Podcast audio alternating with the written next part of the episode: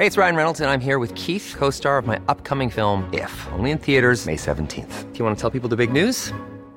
All right, I'll do. Sign up now and you'll get unlimited for $15 a month in six months of Paramount Plus Essential Plan on us. Mintmobile.com slash switch. Upfront payment of $45 equivalent to $15 per month. Unlimited over 40 gigabytes per month. Face lower speeds. Videos at 480p. Active Mint customers by 531.24 get six months of Paramount Plus Essential Plan. Auto renews after six months. Offer ends May 31st, 2024. Separate Paramount Plus registration required. Terms and conditions apply if rated PG.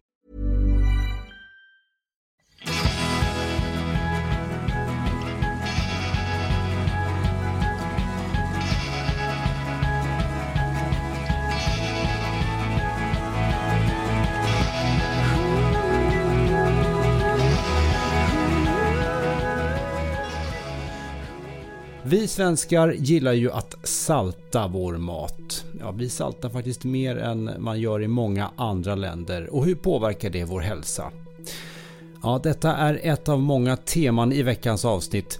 Och Mia och Lina pratar även om NOVA-systemet som delar upp livsmedel i olika grupper utefter hur processade det är kan man säga.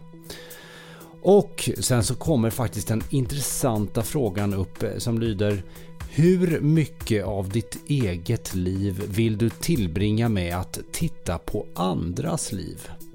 Mm. Det här är Lina Närtby och Mia Klase i Food Pharmacy-podden. Ja du Mia, vem har missat nyheten om att maten ska bli mindre söt och salt? Förhoppningsvis ingen. Nej, det där med salt kom ju upp. Jag vet att vi har pratat om det flera gånger i podden, men min kille som inte är van vid svensk mat, men är här rätt ofta, han, han säger ju att svensk mat, han tycker ju den är kryddlös men väldigt salt. Och ibland säger han när vi har varit med, han bara I, I couldn't eat almost. Because it's too, too salty. Ja, det här har vi pratat om innan. Jo, men jag visste inte att det var så jobbigt för honom. Är det när ni går på restaurang då, eller är det din mat? nej, nej, inte min mat, för att uh, den lagar vi tillsammans. Men om man är hemma hos någon kanske. Alltså, vi saltar väldigt mycket. Och, och jag känner ju, och det vet jag att jag sa till dig, fransk mat är ju fantastisk. Det är ju därför jag äter mycket fransk mat, för att jag är där. Men jag känner ofta att den är osaltad. Jag känner ju ofta när man sätter sig på en härlig fransk restaurang, man får jätte... Salladen, vinägretten är ju fantastisk. Men smaken på själva maten, det är rätt smaklöst. För de använder ju inte starka kryddor och de använder inte salt. Nej, men det är ju ett trick det där. Jag, jag har ju faktiskt inte till eh, den här eh, svensken som saltar för mycket. Jag har aldrig saltat mycket. Jag är hårt uppfostrad av en pappa som med bestämdhet hävdar att eh, salt är, är jättefarligt för oss. Han saltar ju ingenting. Han har dragit det liksom in absurdum. Men det har gjort att, inte för att jag undvikit salt, men jag har inte vant mig vid så salt mat och inte saltar, saltar snarare för lite skulle jag säga, än för mycket. Men det, det jag vet om salt är att maten ska inte smaka salt, utan salt är ju precis som faktiskt socker är i matlagning, en smakförstärkare. Man ska använda saltet för att förstärka de andra smakerna, inte för att måltiden ska smaka salt. Och det är kanske där vi går lite fel i Sverige. Och det eventuellt där då de underdriver i Frankrike, det vågar jag inte uttala mig om, men vi låter saltet ta överhand istället för att förstärka smaken i, i råvarorna helt enkelt. Men jag tycker inte det är så konstigt eftersom att vi bara har haft salt. Vi har haft en väldigt sparsam kryddhylla.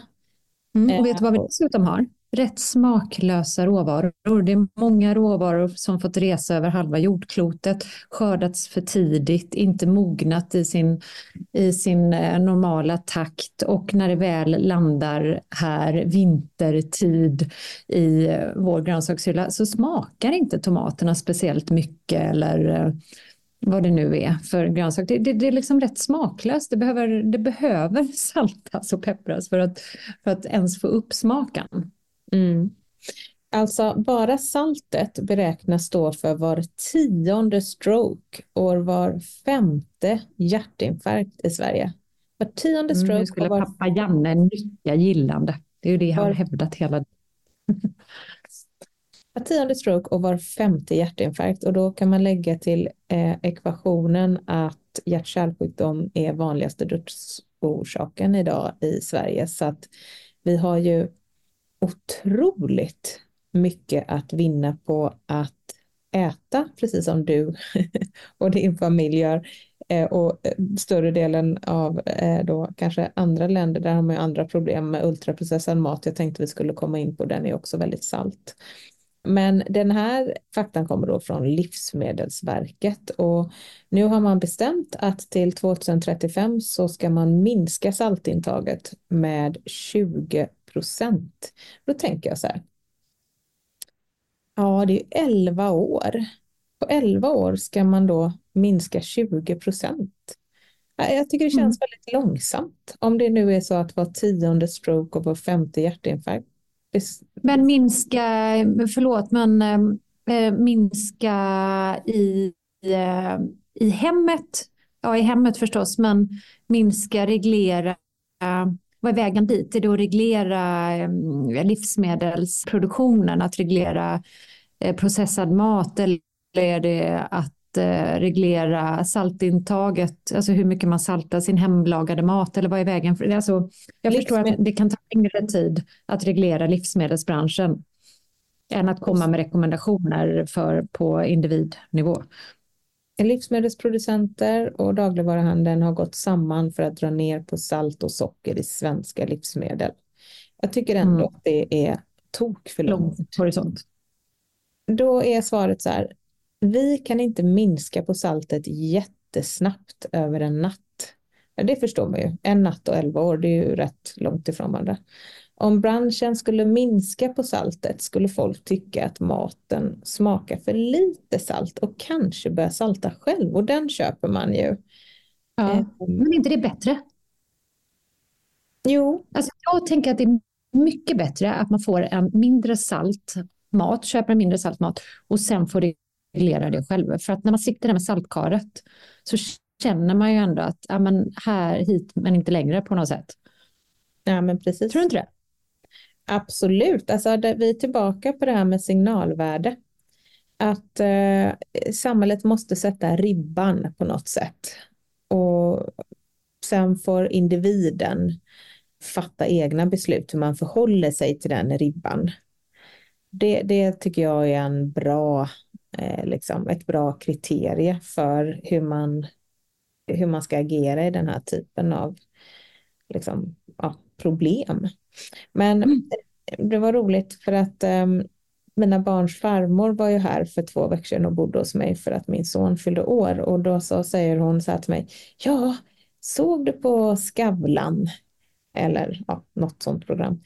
Chris van der Tulleken. Ja, Karina Bergfeldt var hos. Ja, Mm. och jag sa nej, det har jag inte sett. Ja, visste du? Ultraprocessad mat. Det står liksom för fettman. Oj.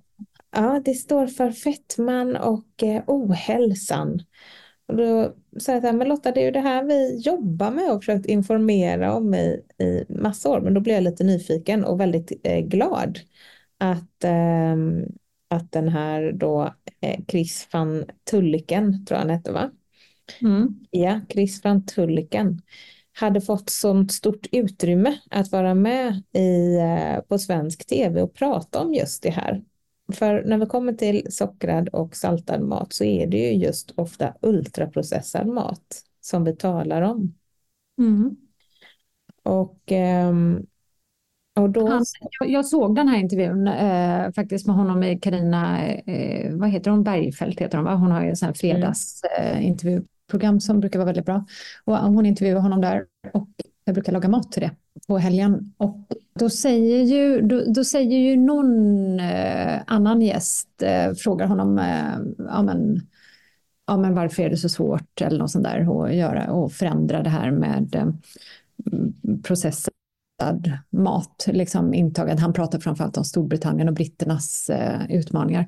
Och då säger han att nej men det, det är ju, nu kommer inte jag ihåg hur många det var, en miljon eller flera miljoner människor som inte ens har ett kök i Storbritannien. Mm. Som är hänvisade till ingen kokplatta, ingen kylskåp, ingenting. Det. En miljon, ja. Och de är hänvisade till en mikrovågsugn. Och då är det inte så jäkla enkelt att, att, inte, att äta något annat än fast food och så. Det är lätt att glömma bort faktiskt, tycker jag, hur världen ser ut ibland i den här diskussionen också. Det är en Ver annan aspekt av. Verkligen. Det är inte så lätt. Det är inte bara på individnivå när man skärper sluta köpa den här maten, utan det, det, det är liksom en mycket större, eh, mycket större problem än så. Mm.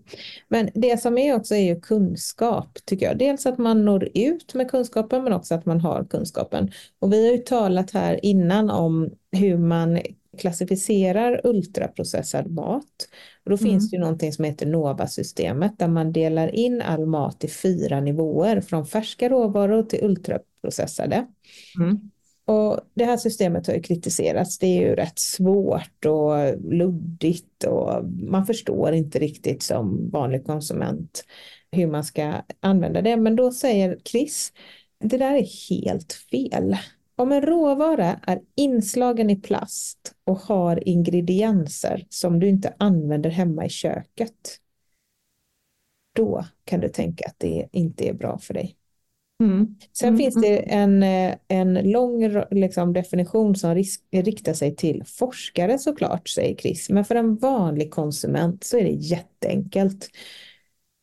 Och det är precis som vi brukar säga, om en råvara behöver en lång ingredienslista, mm. då är det ingen råvara. Mm. Då är det ett ultraprocessat livsmedel ofta. Ja. Mm. Han drar faktiskt exakt samma exempel i den intervjun som vi pratade om att tänk en tomat, en gurka, en selleri. Där har du ingen innehållsförteckning. Nej. Han nämner det och då sitter de andra och nickar, fnissar nästan till lite i eh, den här eh, gästsoffan för att man märker på dem tycker jag att de har inte heller riktigt tänkt på det. Men när man får höra det och blir påminn om det så är det så självklart att det är den maten man borde utgå från på något sätt. Mm. Om man har möjlighet. Mm. Jag läser Henrik Ennart, vår gamla gästskribent, skriver ju mm. mycket om ultraprocessad mat och han har skrivit en artikel i Svenskan om just det här. Och um, där tar han upp vad är det som gör att vi äter så extra mycket av ultraprocessad mat. Mm. Och en vanlig förklaring då det är att den innehåller just socker, och salt. Och den här kombinationen har vi pratat om.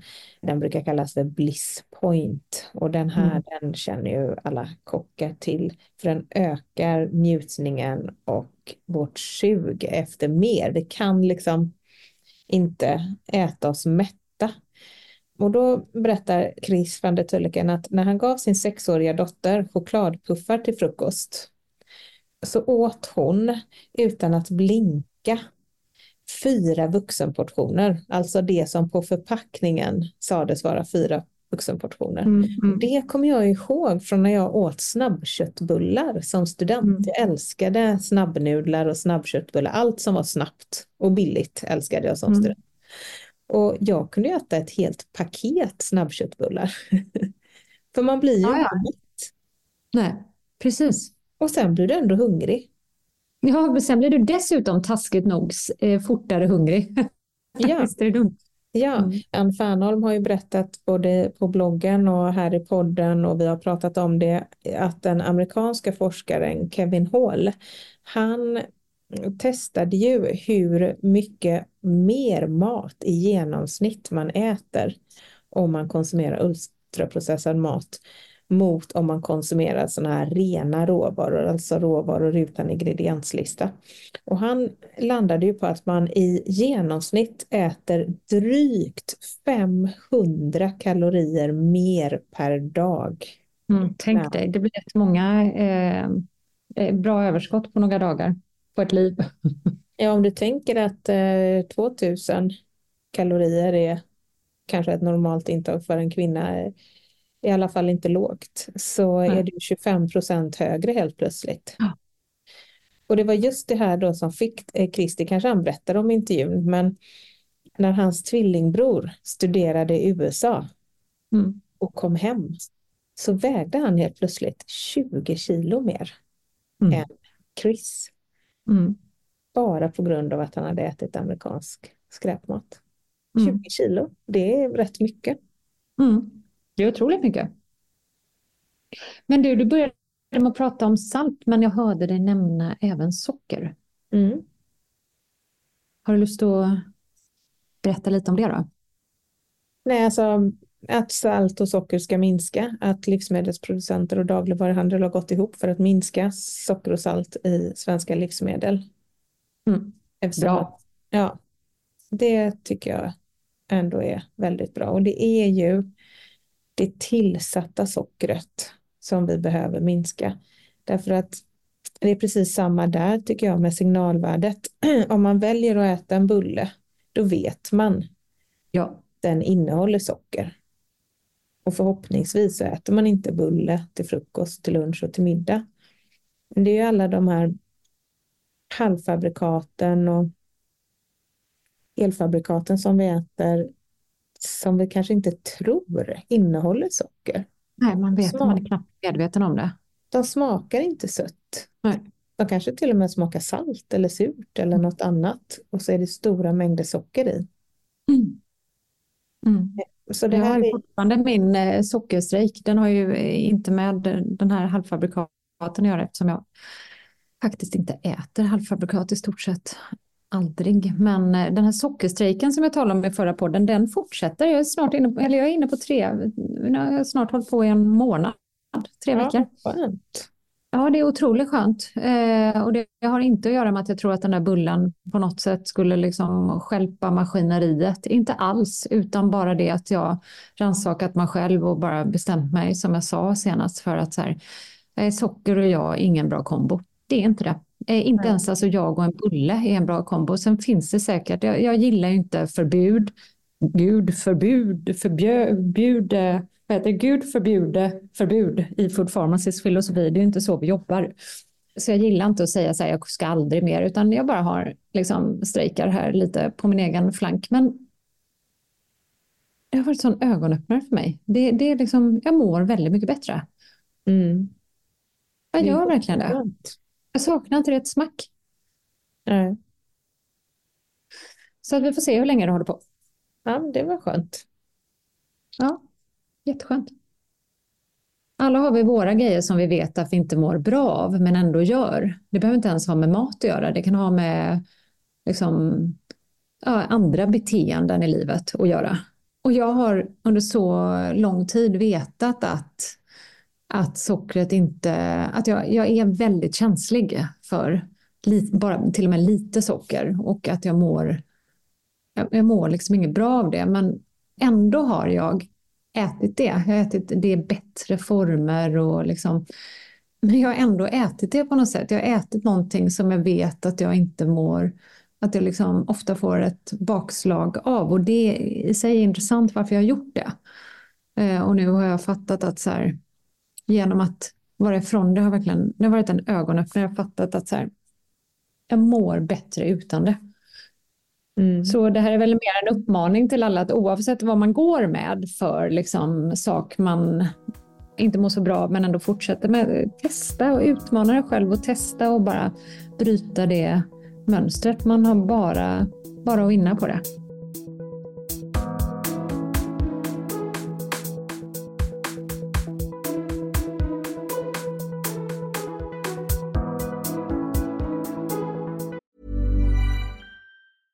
Life is full of awesome what ifs, and some not so much, like unexpected medical costs. That's why United Healthcare provides Health Protector Guard fixed indemnity insurance plans to supplement your primary plan and help manage out of pocket costs. Learn more at uh1.com.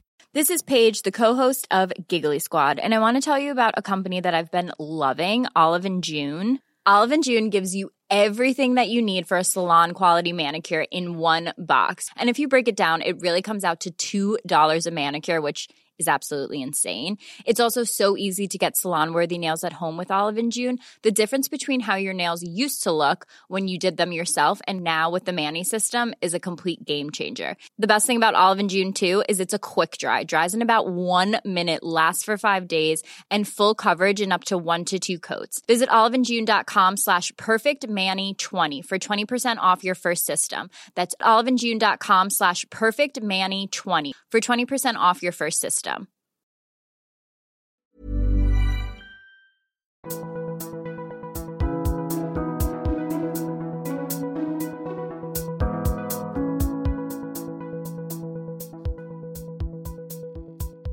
Men herregud, jag tycker hela livet på något sätt handlar om att kunna säga nej till sina begär och till det är så sina svårt. För mig krävdes det ju liksom, jag tog ju tillfället i akt efter den här senaste fastan. Nu berättar jag precis det jag berättade i förra podden, men håll ut. Det kanske kommer något nytt ut av det här.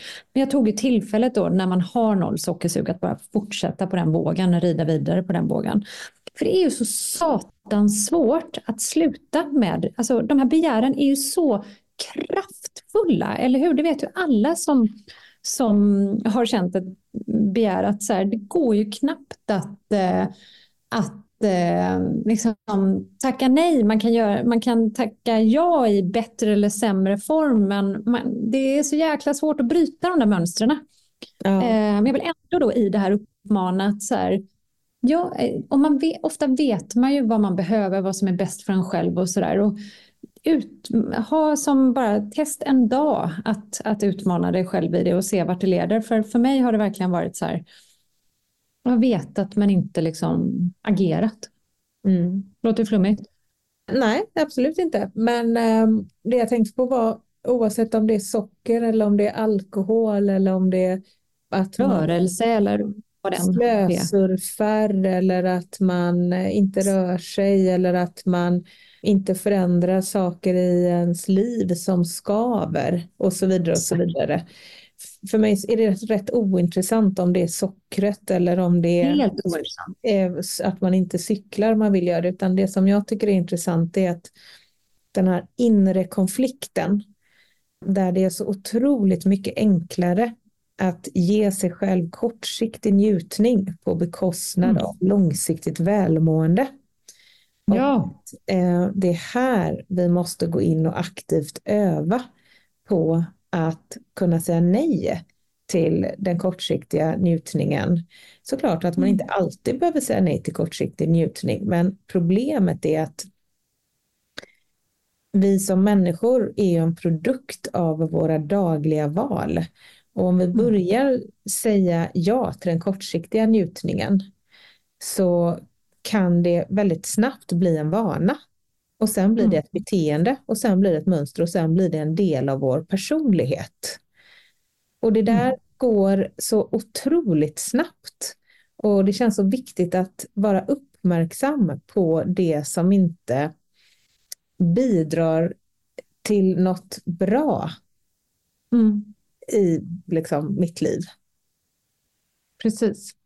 Precis. Man, man kanske känner det utan att vara medveten om det. Man kanske är, känner det omedvetet att det är något som skaver men inte ens har lyckats medvetandegöra det. Så resan börjar väl där någonstans att vara helt brutalt ärlig med sig själv. Att säga, nej men det här jag håller på med varje dag oavsett vad det är, det, det gynnar liksom inte mig. Det, det, man börjar väl där och så sen eh, bara komma ihåg att ja, man behöver absolut inte utmana sig varje dag i livet, men eh, ta tillfället i akt någon dag. Vi har alla starkare och svagare dagar och någon dag när du känner dig stark så testa att lägga ifrån dig mobilen hela dagen eller mm, låta bli det där som du vet inte liksom får dig att må bra, tala annorlunda till dig själv eller vad det än må handla. Alltså, man, måste, man, måste, man måste utmana sig själv ibland, helt enkelt.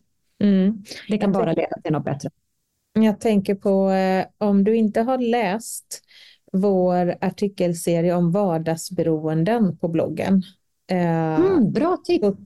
tycker jag verkligen att, eh, kan jag verkligen rekommendera det. Det är vår samarbetspartner Thrive som har eh, skrivit om det här. Och där skriver de om, om vad som händer när vi överanvänder saker som i grunden inte behöver vara skadliga för oss. Och där har vi ju till exempel den där kakan som eh, ja. det gör ingenting om man äter en kaka då och då. Men problemet är när vi, precis som jag sa, när det inte blir ett undantag utan det blir en regel och blir en vana och blir någonting vi gör hela tiden. Mm. Och då skriver Thrive så här, när vi fastnar i beteenden som ger oss kortsiktiga kickar lägger vi mindre tid på saker som människor utövat i alla tider och i alla kulturer, såsom sång, dans, sport, konstnärligt skapande, historieberättande och, och så vidare, utforskande av naturen. Vi lär oss inte komplex kunskap och färdigheter som tar tid att bemästra. Och istället då för att uppleva själva, leka, bygga och skapa, så har vi i allt större utsträckning gått över till att titta på andra som upplever, leker, bygger och skapar på tv och streamingtjänster och sociala medier. Och det tar upp allt mer av vår tid. Och där tänker jag på det här med att nu är första gången någonsin som man ser att vår intelligenskod faktiskt går neråt istället för uppåt som den har gjort under historien. Mm. Eh, och det är ju inte så konstigt, för om man sitter och tillbringar majoriteten av sin vakna fritid med att scrolla på gulliga kattungar eller hur man ska sminka sig, eh, till skillnad från om man inte hade möjligheten till den här zombieaktiviteten som det blir på något sätt, att man bara sitter liksom och scrollar som jag skulle våga påstå alla barn som har en smartphone idag, idag ändå gör till större ja. eller mindre del. Det är självklart att det sker på bekostnad av något annat. På bekostnad av den fria leken eller liksom någon annan form av... Eh... Eller det fria tänkandet. ja, verkligen. Man slutar, man slutar ju tänka liksom. Då skriver Thrive så här, fundera hur mycket av ditt eget liv vill du tillbringa med att titta på andras liv? Och det är ju en väldigt intressant fråga. Hur mycket av ens liv ska man tillbringa att titta på andras liv? Och inte vara ute? Jag blir existentiell ångest, alltså jag blir totalt tom, tom när jag hör det där. Ja, alltså jag tycker ändå att det är eh, så otroligt bra att, det kommer, att vi sätter mer ljus på de här frågorna. För att du får ja. tänka att här är en generation som inte ens har upplevt det vi har upplevt. Det vill säga friheten mm. att inte ha ett internet eller ha en telefon tillgänglig överallt. Jag, jag stod och pratade med en mamma igår på fotbollen och så berättade hon att hennes sons lag hade varit i Tallinn. De är ju 13 år och fyller 14 år i år. På kupp. Och så hade hon frågat sin son, vad gjorde ni då? Nej, vi gick på stan lite sen själva. Och då så stod hon och en annan mamma och sa så här, herregud, gick de på stan själva i Tallinn?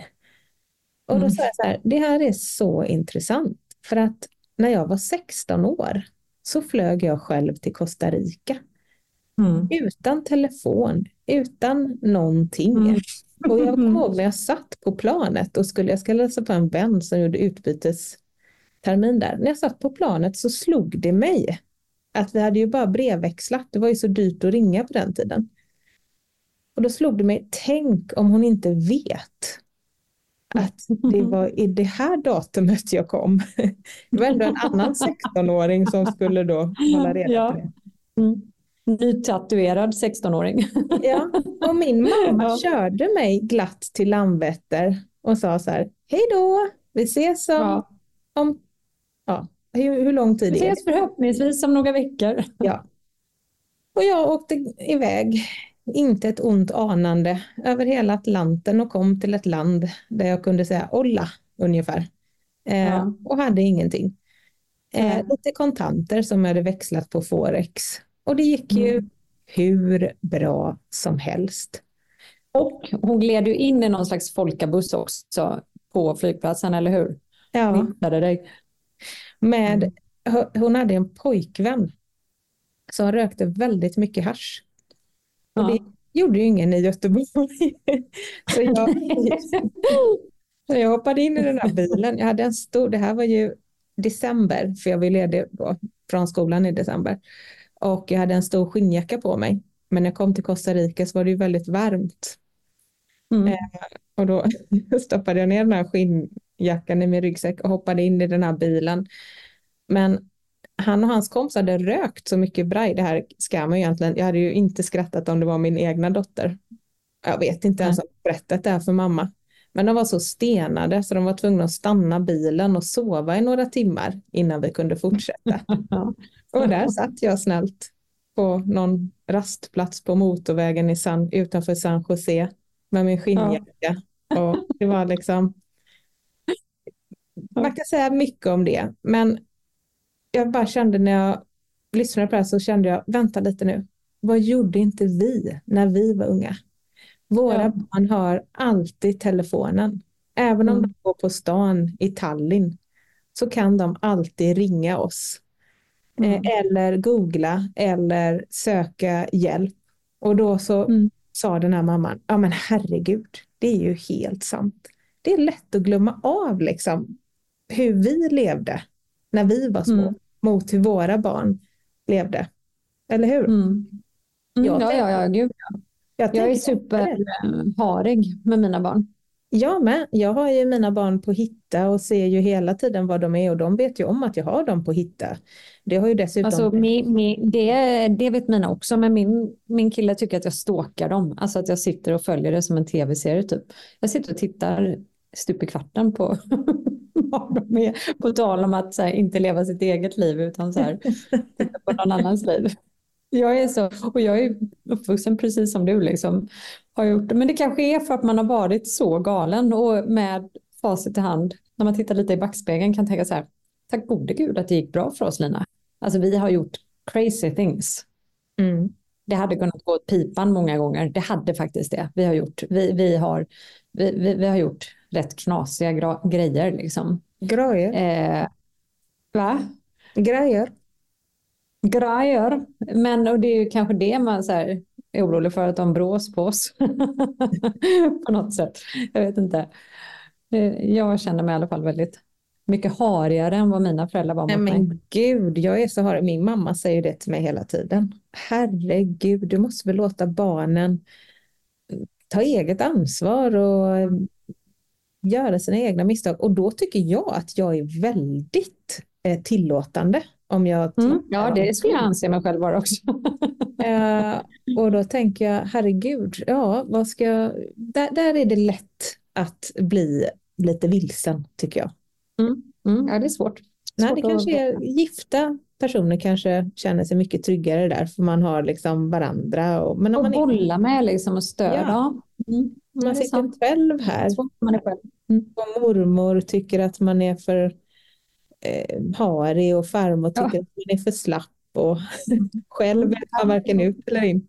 Nej, ja, det är svårt att veta. Det är svårt att veta. Ja, från det ena till det andra. Mm. Men ehm, som sagt, tillbaka till att veta.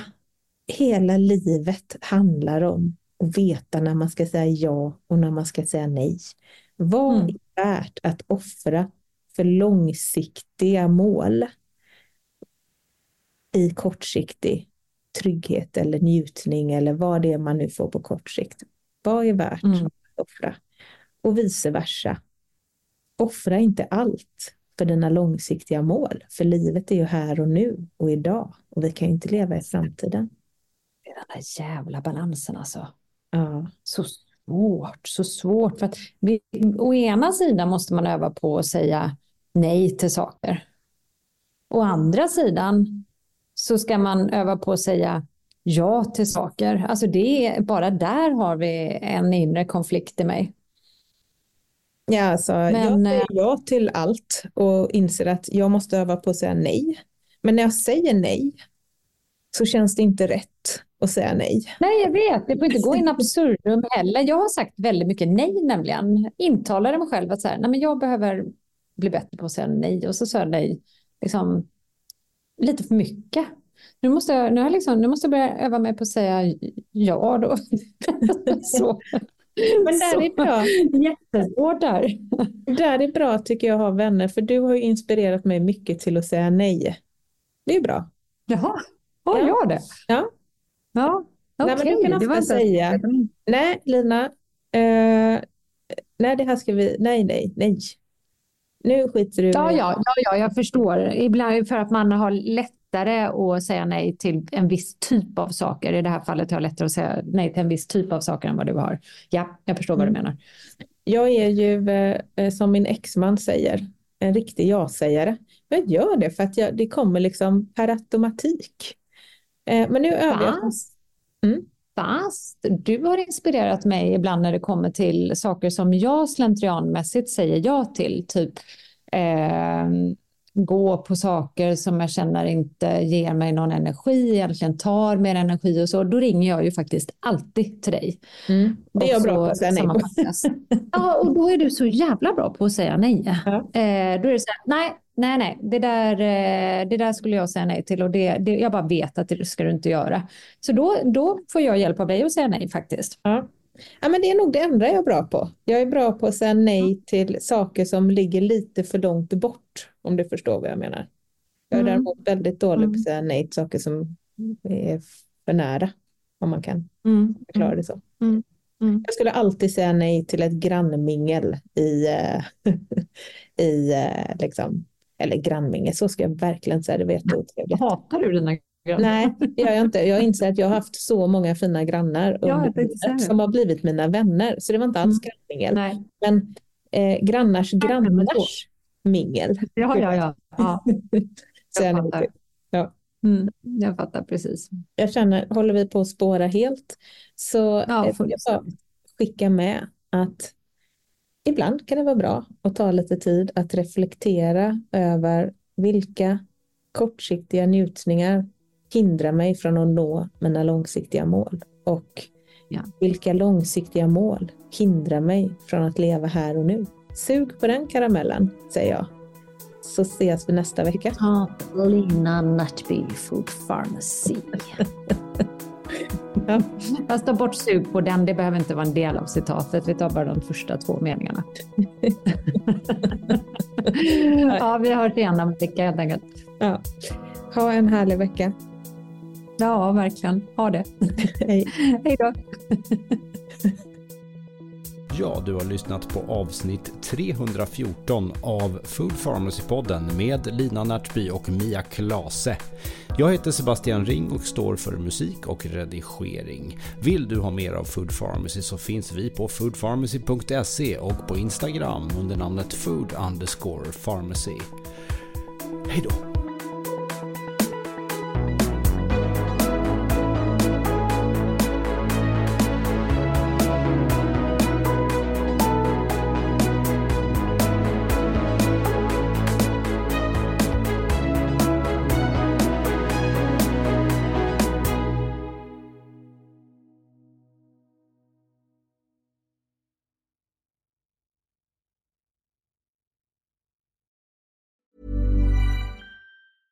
Planning for your next trip? Elevate your travel style with Quince. Quince has all the jet setting essentials you'll want for your next getaway, like European linen, premium luggage options, buttery soft Italian leather bags, and so much more. And is all priced at 50 to 80% less than similar brands. Plus, Quince only works with factories that use safe and ethical manufacturing practices. Pack your bags with high-quality essentials you'll be wearing for vacations to come with Quince. Go to quince.com slash pack for free shipping and 365-day returns. Planning for your next trip? Elevate your travel style with Quince. Quince has all the jet-setting essentials you'll want for your next getaway, like European linen, premium luggage options, buttery soft Italian leather bags, and so much more. And is all priced at 50 to 80% less than similar brands. Plus, Quince only works with factories that use safe and ethical manufacturing practices. Pack your bags with high-quality essentials you'll be wearing for vacations to come with Quince. Go to quince.com slash pack for free shipping and 365-day returns.